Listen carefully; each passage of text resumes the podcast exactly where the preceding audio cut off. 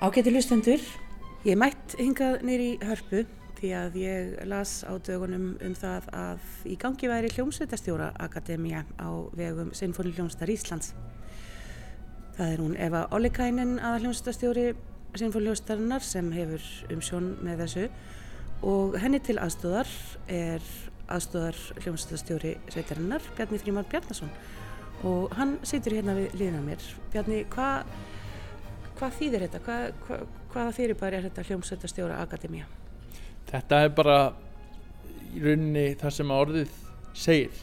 Þetta eru við, það eru sex ungir, ungir tónlistamenn sem að hérna, sem að eru svona efri unglingsárum og fram á, fram á fyrstu fullans ár sem að hérna, sem að fá að spreita sig á þessu að stjórna hljómsveit. Við hittum þau núna við náttúrulega þessi það er vist einhver faraldur í gangi og hann hefur, hann hefur sett þessu ákveðna skorður en hérna en, en við höfum já við höfum núna búin að hitta þau einu sinni og munum hitta þau áfram. Í vist bæði eða, eða kortum sig að vinna með þeim. Þau setja saman litla hljómsveit sjálf, þau spila á spila á strengjahljóðfæri og piano þar sem að þau leika svona leika megnið af því sem við heyrum í, í, í hljómsveitastíkinum og svo skiptast þau á stjórna. Við ef að e, veitum þeim tilsögn. Og svo er stefnan að þau stjórni svo hljómsettinni e, einhver tíman í vor ef, að, ef aðstæði lefa Á opnum tónleikum? Ég veit ekki alveg, ég bara hef ekki alveg ég held að það er náttúrulega búið að spretta af saumunum á eiginlega öllum áallunum þannig að ég veit ekki alveg hvernig, hvernig það verður. Þau allavega, það er stefnan að þau fá að standa fyrir fram hljómsett og best verður náttúrulega að það væri fyrir framann áhrendur Eh, gáttu hver sem er eða gatt hver sem er sótt um eh, bara, eða var þetta valið út? Þetta voru allir sem hafðu lokið miðprófi í tónlist hljóðfæri voru gælgengir svo mér, minnir að það hefði verið vel á þriðja tug umsækjenda sem að komu og fengu flestir að spreita sig á því að stjórna hljómsveitin núna í fjólu symfóni Beethoven's í haust, það hefði verið í lok september og svo það var allt tekið upp á vídeo og svo völdum við úr sex þáttakendur Sko, nú er þetta eitthvað sem maður eiginlega fær uh, enga reynslu í, í venjulegu tónlistanámi eða hvað sem að venjulegu tónlistanámi til dæmis ég get tala fyrir mig sem pjónuleikari að uh, einu slögin sem maður fekk að gera var í tónhýrn Já, þau eru reyndar þau eru reyndar gífulega gagleg og ég svona, þau voru líka mín fyrstu skref þá fann maður að slá taktinn og stjórna sjálfum sér. E, nei þetta er, þetta er mikið hérna, þetta er mikið og gott tækifæri held ég og gott framtak. E, þau ég sjálfur þegar ég byrjaði að stjórna þá var þetta þetta tók marga tíma fyrir saman hljómsveit bara að vennjast þessari tilfinningu að standa og eins og eiginlega flestir flestir lýsaði sko þá eiginlega heyri maður valla fyrst því maður er svo upptökin að reyna að slá rétt og þá bara einhvern veginn eins og þá er eins og hérna þá er eins og sem komi kýtti í eirun allt í hennu en svo, svo venst það og það eru margir það eru, og þetta er í rauninni allt öðruvísi heldur en maður ímynda sér. Og ég er þó ég sé nú svona smám saman fara að geta kallast reyndur þá hérna þá reykum maður sér samt á það alltaf. Þetta er einhvern veginn alltaf þetta er alltaf aðeins öðruvísi heldur en maður heldur. Mm. Þannig að, að sko þegar þú, ef við rýmum þetta aðeins betur upp, ef þú þegar þú stendur fyrir framann hljómsett í fyrsta sinni þá ertu náttúrulega búin að, að fara yfir stikkið, þú ert búin að kynna þér stikkið og mm. ertu þá þegar komið með algjöra uh, hugmynd í kollin hvernig þú vilt hafa þetta? Ef þú meinar núna hvernig ég, hvernig þetta gengur hjá mér Já, núna þessa dagana? Tölum um í fyrsta sinn og hvernig gengur þetta núna þessa dagana? Já, það er sko stór partur af þessu, þetta er raunnit allt eins og, þetta er eins og kannski, ég veit ekki, þetta er kannski eins og, þetta er kannski eins og stjórnmál, það er eiginlega of seint að taka á, það er of seint að taka vandamál þegar það er komin upp, þannig að maður þarf að sjá þetta alltaf fyrir. Og mér sýnist að, mér, mér er farið að lærast það betur og betur með reynslunni að maður eiginlega heyrir eiginlega mest yfirleitt það sem maður á vona á að heyra. Ef maður á vona á að það sé einhver vandamál með intonásjónu eða hlutin sé ekki saman þannig þá sperrir maður eirun eftir því og svo getur annað þótti framhjá auðvitað þetta er svo kunst sem maður getur haldið áfram að haldið áfram að þjálfa sig í áfram með árunum að reyna að heyra meira heldur en bara það sem maður á vona á að heyra. En þetta er náttúrulega við þekkjum þetta við sjáum bara sjáum þann heim sem við viljum sjá og það er náttúrulega orðið auðveldri dag þegar maður getur valið allt frá internetinu og bara og raðað upp sínum einhvern veginn sinni, sinni veröld eftir sínu höfði. En þetta er alltaf svona, maður lærir uh, það er stór partur að læra að stjórna, er að læra að undibúa sig á réttanhátt læra að skilja kjarnan frá heisminu maður þarf að sjálfsögðu ekki að auðvitað er ídeala að maður viti nákvæmlega hvar hver einasta nóta á að vera alltaf en það hefur engin heili það kapasitet að geta náð algjörlega utan að það á hverju augnabliki þegar maður er bæði að reyna að stjórna og setja svona sína orku inn í stekið líka að reyna að hlusta og taka inn og þetta er balans sem að tekur langan tíma að læra. Og til þess er fyrsta skrefið náttúrulega þegar maður fyrir að standa fyrir fram hljómsitt er að, er að hendurnar virki áreinsluðist að maður þurfi sem minnst að hugsa um það hvernig maður tjáur sig með höndunum það sé í rauninni orðið manni eðlislegt og svo að maður sé eins vel undibúin og maður getur. En þetta er eitthvað sem maður í rauninni lærir alltaf meir og meir með reynslunni. Mér finnst ég finna gífulega mun á, á svona þegar ég hugsa til þeirra fyrstu skipta sem ég stjórnaði og núna þá finnst mér ég miklu frekar sko vita að hverju ég er að leita og ég kann betur að snýða mig stakk, stakk eftir vexti. Ef ég hef stuttan æfingatíma þá verður maður bara að mála með breiðum pensli. En ef að æfingatímin er lengri þá getur maður að sjálfsögðu mála betur út í öll hotn og þá getur maður þá, þá eh, stúdera maður og kynni sér verki þá að sjálfsögðu með öðrum gleru en ella En núna er þetta svona kannski í fyrsta sinn sem að eða, eða ég veit ekki, er þetta í fyrsta sinn sem að þú ert að leiðbeina öðrum? Já, þetta, ég hef svona leiðbeint aðeins svona kannski fólk í kringum og haft áhuga og ég hef svona aðeins sett fólk kannski inn í þetta út á hvað þetta gengur en þetta er kannski fyrsta sinn sem að ég svona hef einhvern formlegt embætti í þessa veruna. Eva er náttúrulega reynd, hún hefur kent áður Beck út í Sýbjörlísar-akademíunni, held ég að ég fari rétt með mm. eh, eh, en þetta er fyrsta sinn sem að ég gerir svona, við reyndar eins og ég segi, við höfum bara þetta eina skipti núna förstu daginn fyrir, fyrir helgi. Og það gekk mjög vel og hún náttúrulega leiti það, ég fylgdist freka spilaði á, á hljóðfærin sem að sem að vantaði og, og, hérna, og fylgist með. En ég finn að ég sko, mér finnst gaman að líka geta verið í hlutverki nefnandans í þessu, ég læri gífulega mikið náttúrulega bæði af því sem hún kennir og sínir eh, og hennar áherslur eru aðrar mínar. Og hún eins og bara eins og er eðlegt, hún hefur fókus á öðrum hlutum en ég gera þannig að við getum bætt hvort annað alltaf upp í þessu. En svo finnst mér ég læra ekki síður á því bara að sjá krakkana uh, spreita sig á þessu. Ég bæði geta einhvern veginn ég finna aðeins hvað ég hef lært síðan þá sem er gott og holdt síðan ég var að byrja. Og eins uh, sé ég bara aðrið hjá sjálfum sem ég get tekið í gegn, ég get staðið mér að kjör ég get, ég get beitt mér á, á betri hátt ef að vara að sína okkur svona gagleira upplýtunaræfingar sem að ég sem að ég, sem ég langar að fara að nýta mig betur áður en ég fer inn á stjórna hvort það er æfingar tónleikar. Þannig ég í rauninni læri ekkert síður af þessu. Og ég það hefur verið mín reynsla því að vera að kenna kenna eða leiðbeina með sko hljóðfæraleik eða eða, eða tónfræði eða einhverja eitthvað slíkt þá finnst mér ég alltaf læra svo mikið á því, á þessum prósess. Maður læra á því að reyna orða hlutina þannig að maður þannig að maður sé skiljanlegur.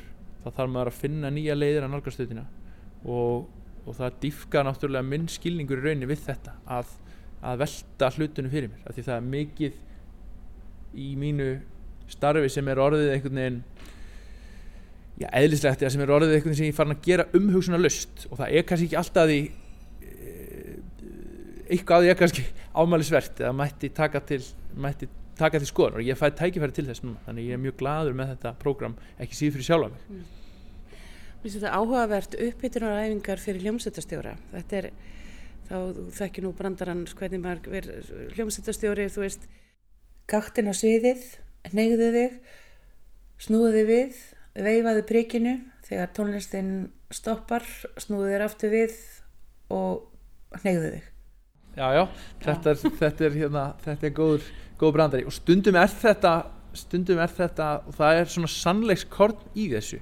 Hljómsettin náttúrulega spilar, við spilum ekki sem stjórnum, en við höfum þetta, við höfum þetta hlutverk að reyna að, reyna að sko, svona setja orku, mótívera einhvern veginn og svona, hvað er það að segja stundum bera kindilinn einhvern veginn, hlaupa fremst. Mm. og hérna og það fer alltaf auka orka í það. Og hættan er náttúrulega hættan er að maður fari að beita sér í skrikki, maður fari að setja inn einhverja orku á staði í líkamann sem er kannski, því maður er með hugan við músíkina og maður er með hugan við, maður er við það sem maður heyrir, þannig að líkamsmeðundin eðlega þá stundum að lúta í lægra haldi. Mm. og þeimun mikilvæg er að vera búin að, er hita sig hans upp. Og ég þó að ég sína ungu maður og, og syndi og, og, hérna, og gangi á fjöll og, og tefli við okkur glugga og svo framvegis þá hefur samt aðeins verið að stríða mér smá einstakar sinni, smá verkur til dæmis í hæri öxl sem er höndin hans í heldarsprótanum sem að slær og ég er ofta djöblast með og ég finn stundum ef ég, þegar æfingarna byrja á mótnana ég kannski kem alveg kaldur inn svo byrja maður að hamast maður hefur, ég er með hugan við einhverja músík, einhverja frasa, einhverja nótur sem að skipta með máli og ég gleymi alveg að hugsa þetta þannig að ég beiti mér illa og þá muna mikið um það að vera búin að hita sig upp. Og ég finn þetta bara nú vorum við með æfingu í morgun og, og hérna ég hitaði með þessu upp fyrir æfinguna og ég finn ekki fyrir þessu núna. Þetta er bara, þetta er bara eins og með allar íþróttíma það er bara að vera, því maður það er ótrúlegt hvað maður hreyfir sér mikið. En þú, þú sagðir, þú mætti reyfa þig minna, nú hefur maður nú séð sko uh, ótal hljómsveitastjóra og þeir eru eins ólíkir eins og þeir eru margir. Uh, mann eittir Gennadi Roste Svenski sem reyði valla meira heldur en litla puttan sko, sem reyði sér bara ekkert og aðrir eru þarna hoppandi og skoppandi um, og svolítið kófsveitir í lokin. Um, er, er, er öðruvísi að þú hefur nú reynslega að spila líka, er öðruvísi að spila undir hljómsveitastjóra sem reyfi litla puttan eða undir einhverjum brjálæðingi sem er út um allt. Já, það er það náttúrulega. Maður, maður hérna finnur alveg munin en þetta er, verður líka eitthvað að hanga saman við persónu fólks og ef að fólk er kannski sérstaklega aldun hefur mikið að segja en eins og að fólk er rólegt að eðlisfæri þá er þetta mjög svona, þá er þetta kannski eðlilegra. Og maður tjáir sér einhvern hátt og í mínum huga snýst þetta fyrst og fremst um að það sé ákveðin svona það sé ákveðið sko samræmi og samhengi í hlutunum. Mhm. og ef maður ef maður uh, ef maður er spara hreyfingarnar þá náttúrulega hafa þær þær fá hreyfingar sem maður gerir hafa þá kannski meira vægi en þá þurfa það líka að koma alveg réttum stöðum. Og stundum stundum getur það líka hjálpað ef maður hefur þá tilfinningu að að hljómsveitastjórin sé alveg inn í músíkinu og langi til að spila hverja einustu nótu. Og það er kannski eðlilega þegar ungt fólk er að stjórna, það sé þannig. Manni finnst svona, það er stundum stundum séð yngri stjórnendur ef að þeir eru þrítugir og mikið yngri eða þeir einhvern veginn standa bara eins og standa eins og einhver sem er komin á eddistyrkin þá, þá þá náttúrulega þá finnst manni kannski er ekki laust því að manni finnst það kannski alltaf yfirlætislegt. En eins og ég segi, það fer, það fer eftir því hvernig hvernig persónan er og maður finnur það maður finnur það alltaf. Og það er í rauninni erfitt að segja hvað er rétt og hvað er rátt það tilgangurinn helgar alltaf meðalið í þessu. Og fyrst og fremst kemur náttúrulega að þekkja verkið og hafa skýra skoðun á því hvernig það á að vera. Þá leggst mann í rauninni alltaf eitthvað til.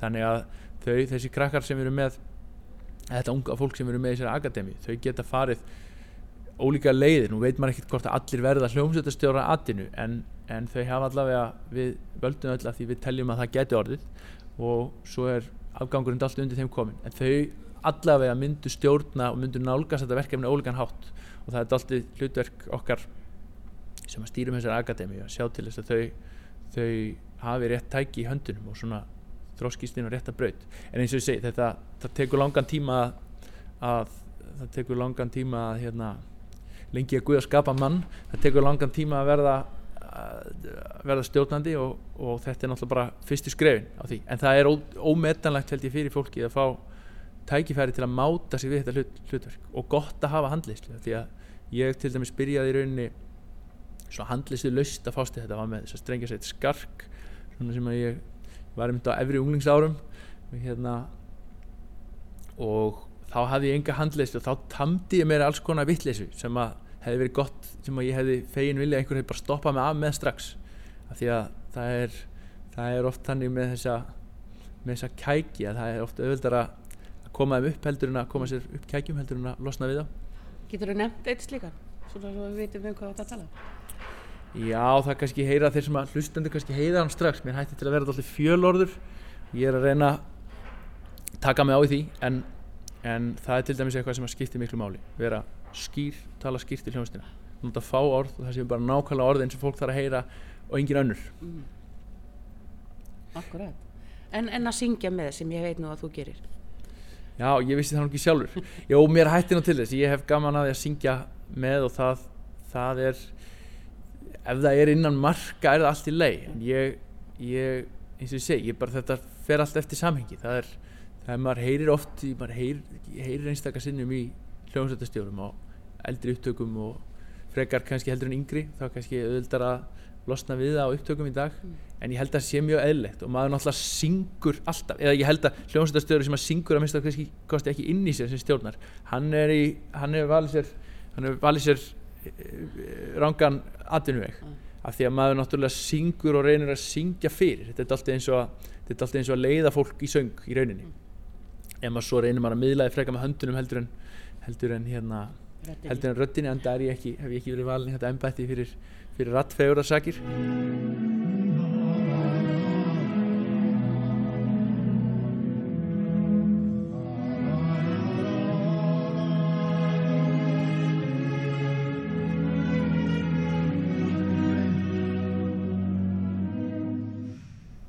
En uh, svona lokum, átt þú þér einhvern, uh, ég veit nú það er erfitt þegar maður er að spyrja tónlistamenn hvort það er eigu sér einhvern uppáhalds, en átt þú þér einhverja svona fyrirmyndir í þessu starfi?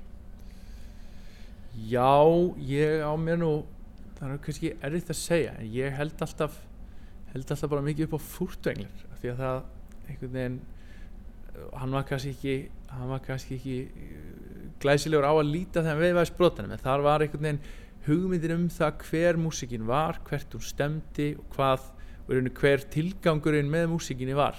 Af hverju af hverju var verið að spila, það var alltaf svo skýrt og mér finnst maður heyra það.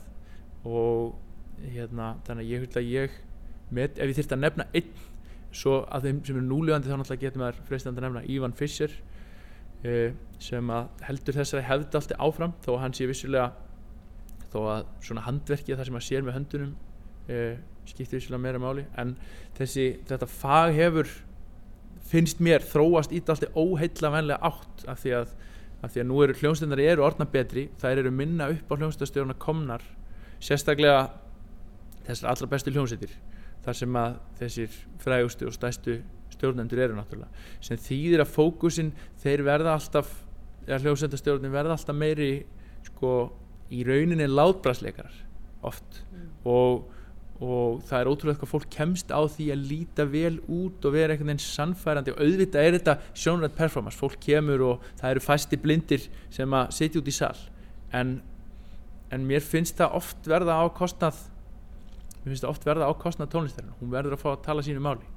Og hérna og það er sérstaklega eins og fólk sko ef það eru gamlir kallmenn sem eigi hlut þá sé fólk til, til að gleif, slaka þessum kröfum um, um að þetta líti vel út. En, en það væri það væri eskilegt að þetta bara ætti við um alla. Það væri einhvern veginn ef að einhver stjórnandi, ungur eða gamall á hvaða kyni sem hann er er að stjórna þá væri gaman ef að fólk var, myndi bara dæma það eftir því sem það heyrir. Sem að, og dæma þá þá eftir því hversu vel stjórnandi nær til nær til uh, hljómsveitarinnar og hvernig, hvernig hljómsveitin spilar. Og það er ekkit alltaf sá, að þannig að sá sem að reyfi sig á, á reyfi sig á glæsilegastan hátt og virkar mest einhvern veginn inn í músíkina það sé alltaf það besta. Maður hefur séð, maður hefur séð uh, upptökur og verið setja á tónleikum þar sem að hljómsveitin bara hljómar ekki vel en stjórnandinn lítur glæsileg út. Það er náttúrulega, það er ekki hlutverkið. Því þá er bara næra ráða leikara að dansara í þetta hlutverk. Þannig að þetta verður mér finnst það, mér finnst maður mér finnst að vera að maður er ábyrgur fyrir heildarsveifnum á flutningum. Þegar maður, þegar maður er í þessari stöð maður er ábyrgur fyrir því að hljómsittin að það geti allir gert þitt besta og það séu, eins og ég hef talað um áður að það séu samræmt áratök og það rói allir í sömu átt og það er það sem að, það það sem að skipti mestu máli og það gerir maður náttúrulega með því að hafa skýra hugmyndum það hvernig tónlistin á að hljóma og til hvers hún er spiluð og geta miðla því á skýran hátt þannig að allir vilji leggjast árar í að róa einu miði. Ég þakka Bjarnar Frímanni Bjarnarsinni kærlega fyrir spjallið Og það skal tekið fram að það var ekki hann sem var að syngja þarna heldur ónemdur stjórnandi og það á tónleikum. Áður en við heyrum í nokkrum af þeim þáttakendum í hljómsveitastjóra Akademíu Sinfuljónstar Íslands þetta árið þá skulum við hlýða hér á smá brott úr fjórðu sinfoníu Beethoven's og fyrst þetta er nú hljómsveitastjóra þáttur þá verður að geta þess að það er tónhalli hljómsveitin í Zürich sem leikur og hljómsveitastjóri er Davíð Sinnmann.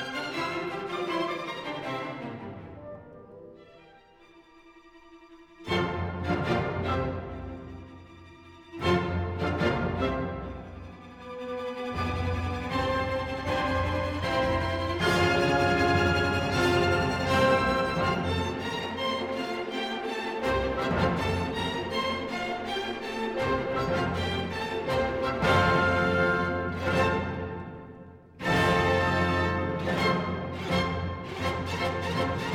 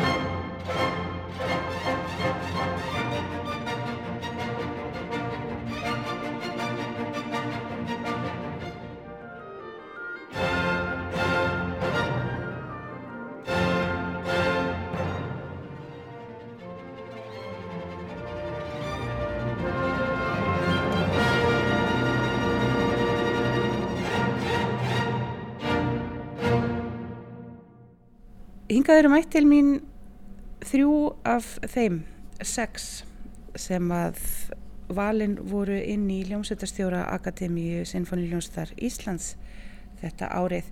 Þetta eru þau Ragnöður Ingun Jóhannsdóttir, Pétur Ernir Svafarsson og Guðbjartur Hákonarsson. Takk fyrir að koma og hitta mig. Takk sem leiðis. E, þið komið svona uh, eigilega úr sömu átt, uh, Guðbjartur, þú og Ragnöður, ekki satt? Jú, jú, má segja það. Nú er ég saman fyrirleikennarinnum og saman í hóptímum og Já, þekkjumst freka vel. já, þess lengi. Þannig að þið eru bæði fyrirleikarar og eigi það sammeðilegt að hafa uh, spilað í Ungsveit Sinfóniústar Íslands. Jú, Já, ofta mörgum sinnum. ég er mikið henni að þakka, Já, það er Já. frábær reynsla. Já, Mjög svona professional starfsumhverfi í kringu það allt saman. Mm mhm. Og þið eigi það líka sammeðilegt að hafa leitt uh, sveitina, er það ekki? Jú, ég var konsertmestari 2019 þegar við spilum 9. symfóníu Beethoven's. Það var alveg frábært. Mm já, jú, jú, ég ykkur fyrir mörgum árum síðan leiti ég aðra fyrir. Já, ég var reyndar ekki konsumentri. Nei. En uh, Guðbjartur, þú ert uh, útskrifaður úr listaháskólanum og hvernig er það? Þú varst í framhaldsnámi Erlendis? Já, ég, ég sem sagt tók diplómagráði hjá listaháskólanum meðan ég var í MH og svo um leið og ég kláraði MH þá fór ég, þá fór ég út til Bandarækina í, uh, og lærði í, í Indiana University uh, gengur líka undir náminu Jacob School of Music og hérna, þetta er í litlum bæ sem heitir Bloomington sem er eiginlega eins og er eiginlega svona eins og lítil eiga, menta eiga í, í fylkinu Indiana. Og hérna Já, ég fór þannig að ákvaða að fara þangað uh, vegna þess að þar var íslenskur kennari. Uh, frændi minn, Sippi Bernhardsson, uh, Sigurbjörn Bernhardsson og hann hérna, ég lærði hjá honum þar í nokkur ár, þangað til hann fór til Oberlin sjálfur í Ohio. En eftir það þá, eftir það lærði ég hjá honum Mauricio Fuchs, alveg frábær svona pedagóg og hérna Já, og síðan þá er ég búinn að vera hérna á Íslandi í tæp tvö ár. Og ertu að uh, læra meira eða ertu að kenna eða ertu að spila eða hvað, hvað ertu að gera? Já, svona áður en að COVID skall á þá var ég aðalega bara að spila og það gekk bara ágætlega, nóg að gera og, og hérna um, kendi reyndar ég leisti af eina önn í, í tónskóla Sigursins, cirka bótið 90% stöðu og það var rosalega áhuga að vera reynsla og þótti mjög gaman af en ég, að ég var kannski ekki alveg tilbúin í þann pakka strax en það var bara gott að fá að prófa það. En hérna en eh, hef síðan eitthvað aðeins verið að hugsa mér til hreyfings mögulega til Európu en hérna sóttum í, í Kaupnafnar háskólu núna bara í síðasta móni en að byrja til svari en hérna þannig að það er, mað, það, er, það er, er svona allt ennþá óráð En Ragnir, uh, staðan á þér, þú ert í listaháskólanum. Já, ég sem sagt uh, er að klára svona double major eiginlega sem ég var mjög heppin að fá að gera. Þar sem ég er sérst í fullu fiðlunámi og söngnámi og útskrifast núna í vor með bachelorgráðu. En ég verður svo heppin að fá líka að vera í hljómsveitastjórn rundar síðustu þrjú árin hjá Gunnsteini Ólusinni sem hefur verið ansi reynd góðu grunnur fyrir þessa hljómsveitastjóra akademíu Mm. þannig að ég er bara svona ákveða hvað ég á að taka mig fyrir hendur næst og sækjum mastersnám úti og maður veit aldrei hvað gerist Pétur Ernir, þú um, ert pjánuleikari, söngvari, dansari og mér skilst svona bara allt, allt, allt múlíkt. Já, það má kannski segja það, það. Ég veit nú ekki hvort að ég myndi segja það sjálfur en jú, jú. Já. En þú hefur tekið þátt í, meðal annars, uh, varstu, veit ég að þú tókst þátt í Astrid Lindgren tónleikum með Sinfónilegust Íslands þar sem að þú uh, fórst víst á kostum sem Emil í Gattholti og, og, og, og fleira sem að þú hefur gert. Jú, það passar. Tók ég mig þátt í þessu verkefni þegar að Sinfoni hljómsveitin fór um, vestur í heimabæ minn á Ísafjörð og um, var með þessa, þe þessa barnadagskrá þar sem var alveg rosalega skemmtilegt að taka þátt í og mjög lærdómsríkt ferli. Og núna ertu í listaháskólanum.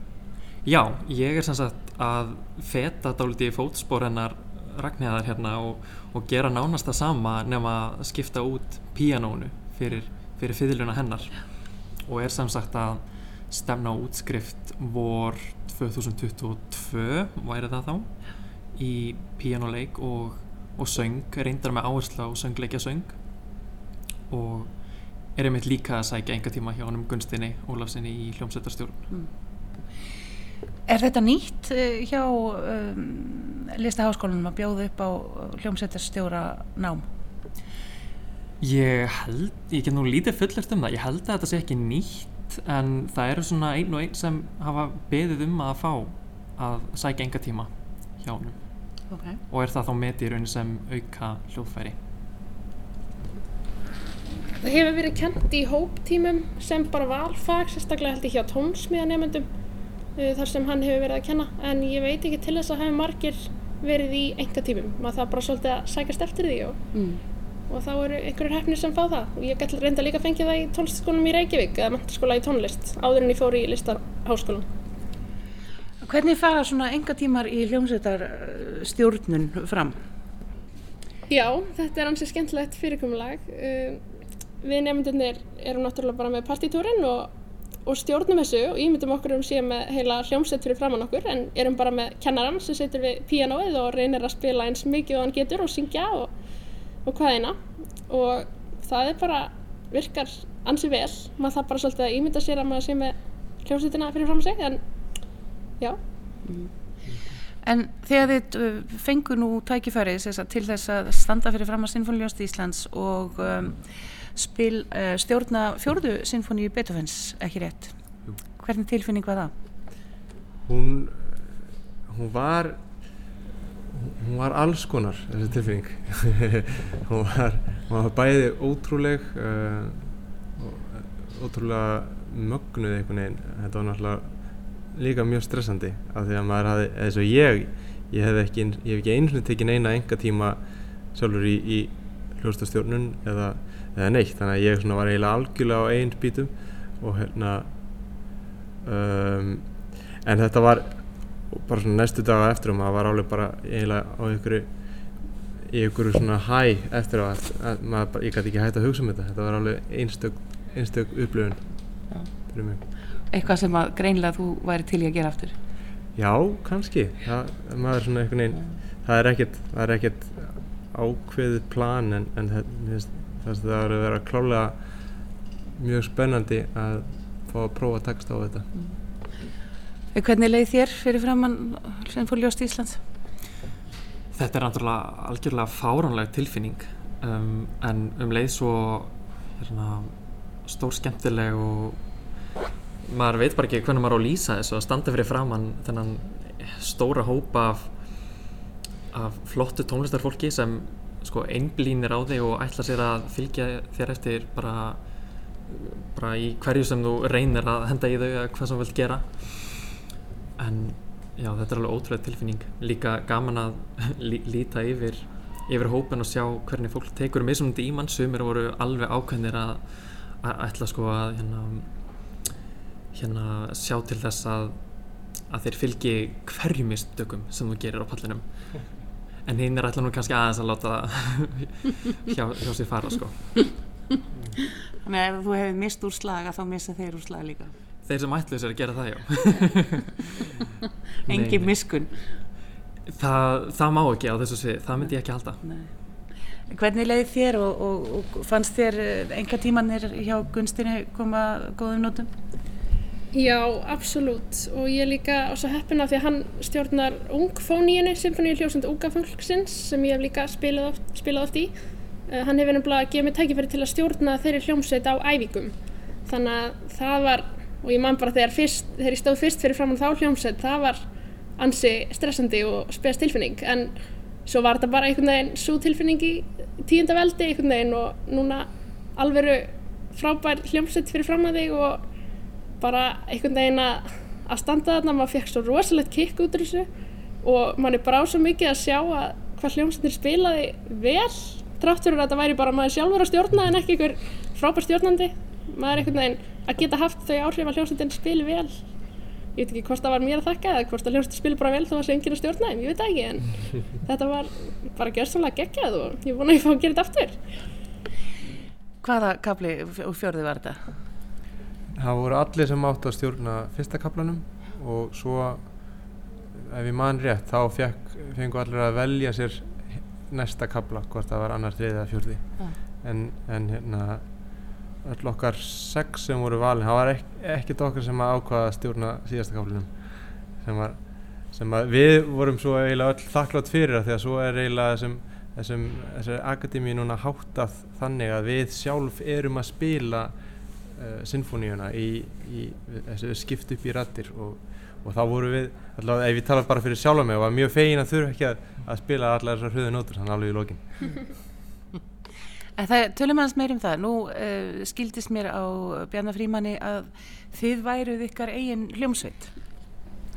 Jú, þannig virðist þetta ganga fyrir sig. Við höfum nú bara mætt einu sinni um, af þessari skemmtilega ástæði sem við þekkjum vel til sem er COVID en þá einmitt, hérna, eins og Guðbjartur segir virkar það þannig að við um, við spilum sjálf um, alla rættinar í hljómsveitinni um, fiðlunar, það eru nokkri fiðluleikarar og einn selvoleikari og svo skipti ég og hann Stefan sem er líka með okkur í þessu með okkur sem sagt blástur hljóðfærum og, og kontrabassarindar Spilað þú líka og blástu slófari á kontrabassa? Nei, á píanóðu sko. Já, já, Guð, það, hérna, ekki einu að minnskosti Nei. á, á þessu hljóðfæri. Um, en já og svo standa þarna Eva Óleikainen og Bjarni Fríman og, og segja okkur til. Og við reynum eftir bestu getu að, að bæta okkur og, og, og spila vel á okkar hljóðfæri. Hvað er það við þetta hljómsýldastjóra starf sem að þér finnst heilandi, Guðbjörtur? Úff, það er stóra spurningin. Það er, það er, það er einhvern veginn, það er rosalega margt. Ég, ég hérna, bara einhvern veginn náði að hafa setið í hljómsveit í ansi mörg ár núna. Þá hefur ég, þá hefur einhvern veginn alltaf eitthvað svona blundað í mér, einhver svona löngu til að fá að prófa þetta sjálfur. Og, og hérna, og mér finnst ég kannski líka alltaf hafa verið að pæla í því hvað það er sem að stjórnandinn er að gera svona út frá hans sjónarhóni og hvernig hann háttar æfingunum eða hvað er sem hann gerir sem þess að hvernig hann reyfir sig sem að hefur einhvern öðru í sig áhrif á hljómsveitina og þannig að ég ekki bara verið, ekki þannig að bara setja í hljómsveitinu og spáði hvað ég er að gera haft á að gera mínum nótum þannig að ég er svona alltaf notið þess að, að sitja og pæla í stjórnandanum og ég held, að það hafi kannski að það hafi haft ansi mikil áhrif á mig og um, og svo var það kannski líka þegar ég fór að spila mjög mikið að strengja kvartett músík og fór sjálfur að pæla daldið í hvernig rattina vinna saman og og, um, og, og hvernig væri kannski hvernig frösunum væri best hátta þá fó- fór ég kannski að einhverju leiti að svona þjálfa svona stjórnanda hugsunarhátt sem að hefur kannski fengið mig til að vera spenntur fyrir þessu Erst þú samanlega þessu, Ragnir?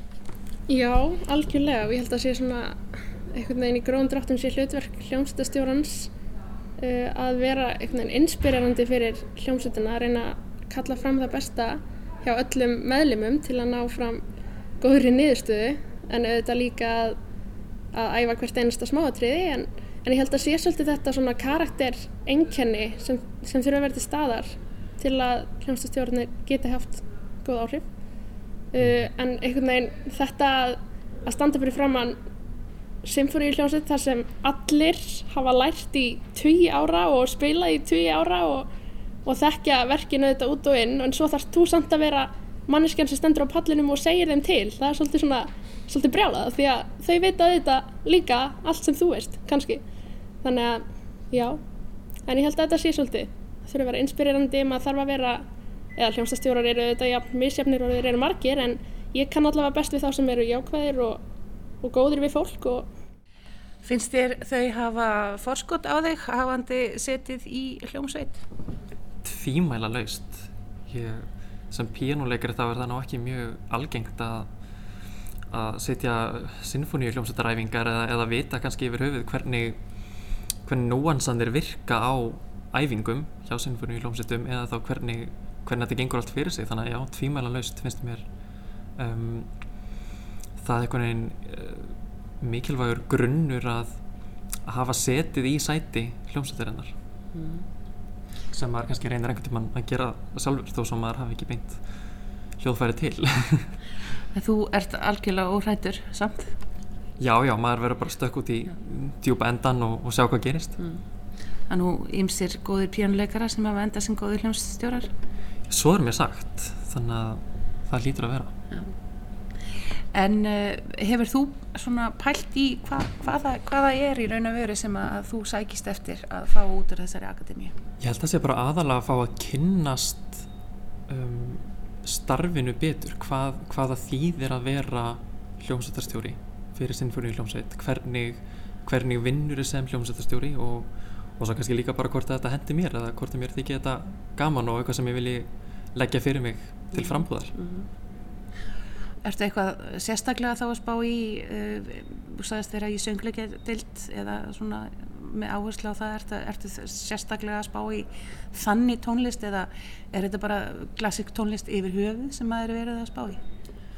Sko hér er náttúrulega einblínt á klassíku tónlistina en ég, þar sem áhuga svið mitt liggur svona frekar vítt bæði, bæði yfir þetta söngleikja um, repertoar og klassíska þá held ég að að sé mjög mikilvægt að þekkja bæði og kannski bara skemmtilegt líka að sjá hvernig það blandast saman að, að geta unni með uh, þess konar tónlist eða þess að báðar gerðir sko. Og eflaust mjög, mjög, mjög mikilvægt eða hendugt að kunna, kunna fara með um, bæði í repertoar Guðbjartur, ertu að spá í mastersnám í hljómsveitastjórnun eða ertu að spá í mastersnám í, í, í hérna fylunami?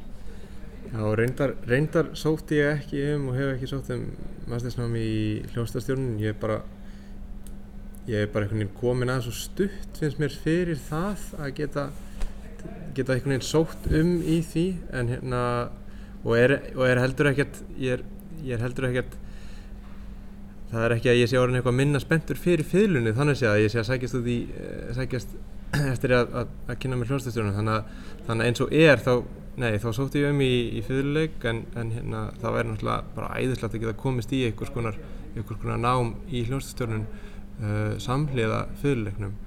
Og hérna, en, en mér fannst þetta aðalega uh, þetta þessi akadémia hérna vera bara alveg frábært tækifæri fyrir mig til þess að loksins geta, geta kynst þessu og fengi einhver örlítil verkfæri til þess að vinna með til þess að geta haldið svo áfram að byggja á. Æfur þið heima, uh, Ragnhildur, uh, þegar þú fyr- fyrir tímana eins og hjá Gunnsteini, stendur fyrir framann uh, speil og, og, og reyfi prikið? Já, já, algjörlega. En mér finnst það svona grunnvinnan öll liggja í því bara að skoða partítúrin og kynnast öllum röddum og fatta hvar einhver hreyfing er, hver, hvað þarf að gefa inn, hverju þarf svona að fylgjast helst með og hvaða staði getur verið erfiður og þurft að æfa sérstaklega. En jú, svo verður maður auðvitað að standa fyrir framann speil eða bara einhvern vegg og, og ég myndi sér einmitt að maður sé með, með hljómsveit fyrir framann sig. Það þurfti kannski að fara að þróa eitthvað svona virtual reality hljómsveit sem myndir hreyfast, en ég veit ekki. Það er örgulega hægt að fara að þróa eitthvað svona æfinga aðferði fyrir unga hljómsveitastjóra. Ná, góð hugmynd. Já, svona Er þetta ekki, er þetta ekki bara svona viðskipta hugmynd? Jú, kannski maður ætti bara að fara út í þann bransa. Þannig að hljómsveitin fylgir þínu slægi? það væri ansið sniðugt. Já, Að vera með hljómsveit sem bara, já, já. það væri algjör snild. En æfingarna líka, ég meina til dæmis, uh, já, nú, ég veit ekki, kannski er þetta kjánal spurning, ég meina ef þú se, myndir nú setja fjórðu sinfóníuna á með einhverjum góðum stjórnanda, ertu að, að prófa, prófa að reyfa þig við, við það? Já, já, algjörlega. Maður er oft bara með hirnatól og stendur og stjórnar og, og það er líka alveg góð leið til að kynast tempóum og þá hlusta á ólíkar upptökur og sjá, finna mismunandi tempó og velja hvað manni finnst best. Þannig að já, absolutt, þegar maður er ekki með hljómsveit þá maður vill auðvitað heyra eitthvað. Já. Þannig að það er algjörlega gott líka. En maður má samt ekki festa sig í því að hlusta á einhverju aðra, maður þarf líka að vita hvað maður vill gera sjálfur og það er svolítið, já, svolítið auðvelt að festast í einhverju öðru en maður er alltaf að hlusta. Þannig að þess vegna held ég að maður verði að kynnast verkinu vel áður en maður byrjar að hlusta með því að skoða partítúrin og finna svona hvað maður vill gera. En svo vissulega líka hlusta. Já, þannig að, að lenda ekki í hermi, hermi hlutverkinu. nákvæmlega, það er nefnilega algjör synd sko. Maður vill alltaf reyna að vera með eitthvað aðeins öðruvísi, það er leiðilegt ef allt er alltaf eins. En svo er þetta sem, sem verður að vera eins Já. og sem maður verður að læra af öllum hinnum sem hafa verið á undamáli. Átt þú þér einhvern uh, svona, einhverja fyrirmynd Einhverja fyrirmynd? í hljómsveitastjóra bransanum? Nei, ég veistu, ég held bara næstum því ekki. Leonard Bernstein var alltaf algjör snillingur, og það er líka svo gaman reyndar að eiga um, eiga svona góða og flotta íslenska hljómsveitarstjóra sem maður getur hérna litið upp til eins og Daniel Bjarnason og, og Bjarnar Fríman þetta um, veist, það er kannski alltaf hérna, mikilvægt að sjá að þetta er þetta er mögulegt á svona litlum stað eins og við erum að eins og sérst bara með hérna, hvað eru tvær stórar hljómsveitir á landinu um, veist, að, þetta, er, þetta er mögulegt fyrir okkur En þú, Guðbjörnstur, þú, ég veit nú að þú kemur af tónlistarheimili og hefur sjálfsagt verið að hlusta á, á klassiska tónlist frá því að þú mannst eftir þér. Áttu þér einhverjar fyrirmyndir?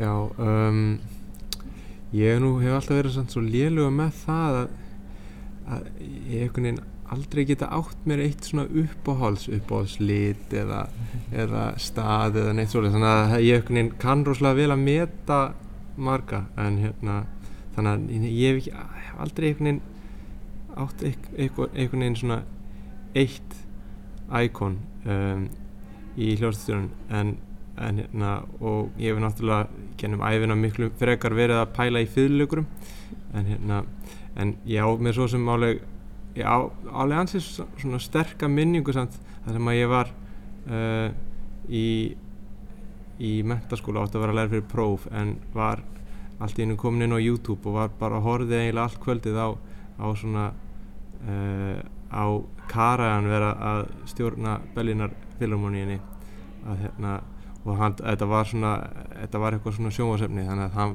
var alveg mjög dúlur í að vinna í einhverju svona fíniseringum og tala aðeins og, og hérna já, þetta var sjúmann fjórða symfónían ef mann er rétt. Og hérna og það var, það var alveg já, það var mjög inspirandi og hérna alltaf fundist hann mjög flottur kall.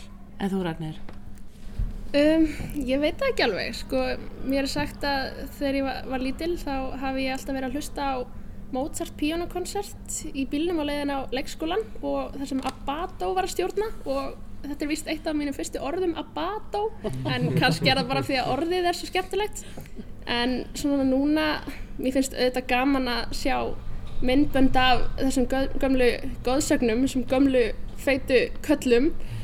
En einhvern veginn, núna finnst mér eiginlega skemmtilegast að fylgjast með uppgangi hvern hljómsveitastjóra og sem er einmitt ekstra skemmtilegt að hafa Efi Ollikannin hérna um, og sjá það svo ótrúlega mikið að gerast í heimi hvern hljómsveitastjóra bara á þessum síðustu árum. Um, þannig að mér finnst rosa spennandi að sjá hvert það leiðir.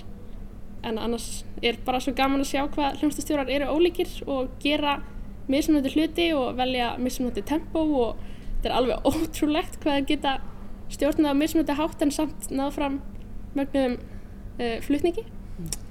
Þannig að já, já, ég er bara að reyna að svona festa mig ekki í neinu ákveðinu heldur bara að fylgjast með alls konar hljómsdastjórum Pétur Ernir, Ragnhildur og Guðbjartur, ég þakka ykkur kjalla fyrir að koma og spjalla við mig og ég segi gangi ykkur bara óbúslega vel í akademíunni og bara í framtíðinni. Takk fyrir. Takk fyrir, takk sem við Já, ágættu lustendur, það verður sannlega spennandi að fylgjast með þessu unga fólki í framtíðinni, sama hvað þau taka sér fyrir hendur, hvort þau leggja fyrir sig hljómsættastjórnun eða eitthvað annað. Ljúkum þessu í dag á líflegum flutningi Bellinar Fílarmoníunar á ungverskum dansi nr. 1 eftir Brahms undir stjórn Vilhelms Furtvenglers í hljóðrutun frá árunnu 1930. Þannig að til næst hafa það sem allra best.